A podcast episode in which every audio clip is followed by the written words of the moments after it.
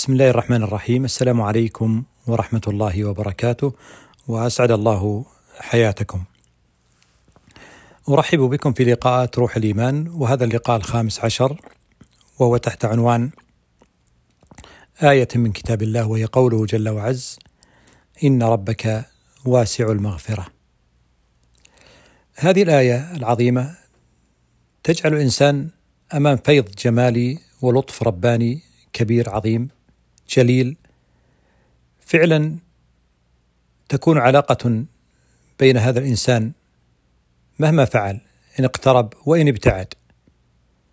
فإن له ربا يقربه ويغفر له ويعفو عنه بل ويبدل سيئاته حسنات. إن ربك واسع المغفرة. وهذا ما يفهمه المؤمنون. فالملائكة حملة العرش يقولون ربنا وسعت كل شيء رحمة وعلما فاغفر للذين تابوا واتبعوا سبيلك. ربنا وسعت كل شيء رحمة وعلما فاغفر. إن هذه المغفرة الربانية لا تحد ولا تعد ولا يشترط لها شروط بل هي مفتوحة. هذا الذي يقوله الله عز وجل هذا الذي يعلمنا القرآن. فالله سبحانه وتعالى في القرآن يقول قل يا عبادي الذين أسرفوا على أنفسهم لا تقنطوا من رحمة الله.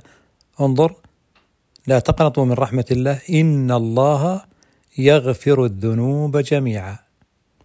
وفي الآية الأخرى إن الله لا يغفر أن يشرك به ويغفر ما دون ذلك لمن يشاء.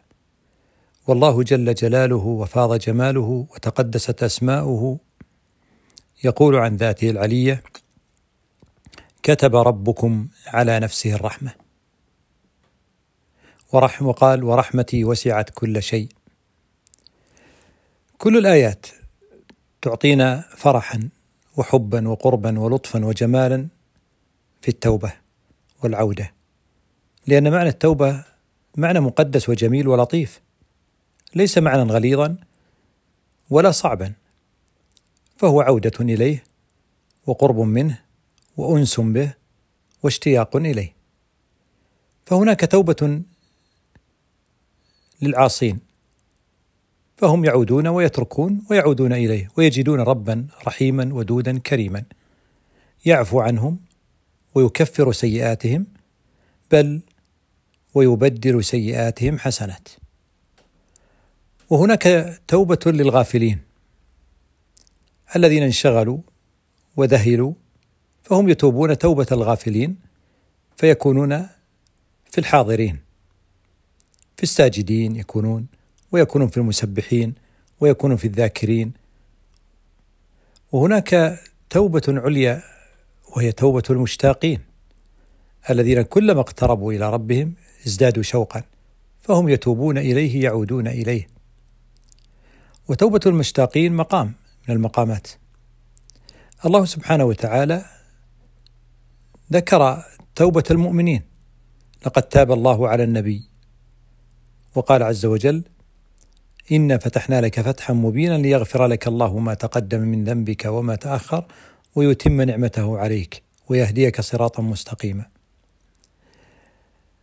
في أي حال كنت فأنت تتوب إليه بمعنى تعود إليه والعود إلى الله أحمد وأجمل وأفضل وأقوى وأنقى وبهذا المعنى للتوبة يفعلها الإنسان مختارا ويفعلها الإنسان مشتاقا ويفعلها الإنسان وهو يشعر بلذة بلذة القرب والأنس والسعادة والبهجة. أجد أن سيدي محمد عليه الصلاة والسلام وهو يقول إني لا أتوب إلى الله وأستغفره في اليوم أكثر من سبعين مرة. وهل يفعل ذلك إلا من عرف هذا المقام وذاق لذته ووجد الأنس به وهو سيدي محمد عليه الصلاة والسلام الذي يقول اللهم إني أسألك لذة النظر إلى وجهك والشوق إلى لقائك. فماذا لو جعلنا التوبة لذة وشوقا وذوقا؟ وماذا لو جعلناها ممارسة يومية لأكثر من مرة؟ وأن لا نربطها فقط بالذنوب والمعاصي أو بنية الخلاص من الإثم وإنما بالمعاني المقدسة المفتوحة. أما الآثام والسيئات فإن الله تعالى هو الذي يتولاها وقد أخبرنا ماذا يفعل الله بها فقال سبحانه وتعالى إن الحسنات يذهبن السيئات وقال فأولئك يبدل الله سيئاتهم حسنات. لكن التائب يتوب إلى الله متلذذا أنه يتحول من من البعد إلى القرب ومن الغفلة إلى الحضور ويرتقي باللذة وبالشوق وبالأنس. هنا سنجد للتوبة معنى بل معان روحية.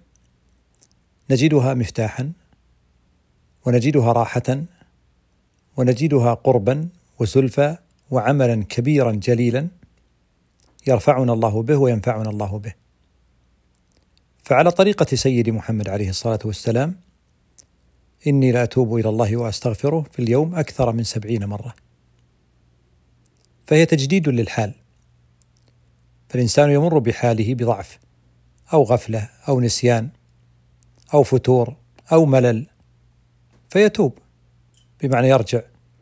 فمن الضعف يرجع إلى القوة والقوة لله جميعا. ومن الملل يعود إلى النشاط. وهكذا فكل هذه توبات. والمصدر هو من عند الله. من كان يريد العزة فإن العزة لله جميعا. عندما تتغير أو يتغير مفهوم التوبة من مفهوم اشتراطي ومفهوم مربوط بالإثم والمعاصي إلى هذا المفهوم المقدس وهذا المفهوم الروحاني المفتوح فإن النفس سوف تتحول منقادة فرحة لأنها شيء لأنه شيء تتلذذ به ودائما النفوس تحب ما تتلذذ به وتكره ما يقطع لذتها. هذه طبيعة النفوس. فإذا قدمت لها التوبة بهذا القالب النبوي بهذه الطريقة كما توحي بها الآيات القرآنية الكريمة استلذت بها. وإذا استلذت النفس بالتوبة عادت وعادت وعادت واستمرت. كما أن بعض النفوس تستلذ بعض الأخطاء فتعيدها. فالأمر يعود إلى الاستلذاذ. فيمكن الإنسان أن يجعل استلذاذه بالأشياء التي تنفعه. فالاستلذاذ هو شيء محايد. إما أن تجعله في خطأ فتستلذ نفسك الخطأ وتبدأ تعاود ذلك الخطأ. أو تجعل استلذاذك بالأشياء التي تنفعك وترفعك وتقربك وتنجيك فتبدأ نفسك تستلذها هذا المعنى يجعلنا في حوار جميل قوي مع النفس. فإذا عامل الاستلذاذ محايد ويمكن تحويله. هكذا يستلذ التائبون لأنهم فهموا المعنى لأنهم وجدوا الأثر. لتوبتهم بالقرب والأنس والسعادة والبهجة والرسائل والإشارات التي تأتيهم أثناء معاودة التوبة وهي الرجوع. إذا أزلت المعاني الغليظة والمعاني العنيفة عن التوبة ستجد لذتها وسوف تشتاق إليها نفسك وتستلذها وتتبعها وتبحث عنها وتفعلها. وهنا يظهر لك ما, ما هي لذة الاستغفار وما هي قيمته ولماذا كثير من العارفين يستمرون بالتلذذ بالاستغفار ومطاولة الاستغفار بمعنى الاستغفار الطويل لأنهم يجدون في ذلك لذة القرب ويجدون فيه شوق الأنس ويجدون فيه الرسائل والإشارات التي تأتيهم من النور ويتبعون تلك الإشارات ويفهمون تلك الرسائل ويجدون تمكينات وفتوحات وراحة وإجابات للدعوات وكل الأنس وكل القرب بالقرب من الله عز وجل. وفي الحديث يقول سيدي محمد عليه الصلاة والسلام لله أفرح بتوبة عبدكم. لله أفرح بتوبة عبده. هذا معنى أن أن التوبة هي من حقل الفرح ومن حقل البهجة ومن حقل الأنس والسعادة. أسأل الله سبحانه وتعالى لي ولكم تمام النور ونلتقي بإذن الله تعالى. والسلام عليكم ورحمة الله وبركاته.